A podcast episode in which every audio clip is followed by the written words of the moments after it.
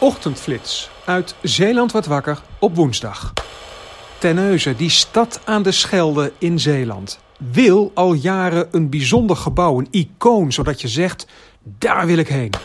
De ontwerpwedstrijd is nu voorlopig stopgezet. Dit is de wethouder. Dus we hebben een coronatijd waar uh, enerzijds voor de ontwerpers uh, er eigenlijk geen gelijk speelveld is, omdat niet iedereen op dezelfde manier op dit moment kan werken. Je hebt er professionals bij, we hebben een amateurs bij. Maar het allerbelangrijkste is dat een onderdeel van de financiering van het icoon, dat gaat via uh, crowdfunding. En moet je nu in deze tijd, uh, waarbij bedrijven het heel moeilijk hebben, moet je dan de markt op met een soort sponsoractie om via crowdfunding geld bij elkaar te halen voor, voor een icoon. Hm. Ik denk dat bedrijven op dit moment gewoon heel andere prioriteiten hebben. Het voelt niet goed, zo kan ik het eigenlijk samenvatten dan. Ja, dat klopt. Het, het plan blijft staan.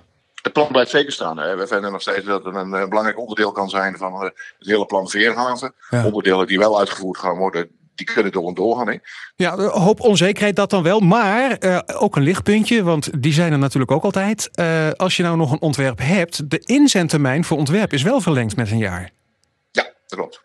in deze tijden uh, zal er ook weer uh, creativiteit uh, loskomen, losbarsten. dat is nu allemaal inherent ook aan, aan veranderende tijden, aan tijden die onder druk staan. Dan, dan komt er ook andere dingen boven. Ook creativiteit. Dus ja, waarom nou zouden we daar dan niet van profiteren? Ja, en groot gelijk hebben jullie. Frank van Hullen, hartelijk dank. De icoon van Terneuzen komt er. Maar wanneer is nog even onduidelijk. Het project staat nu on hold.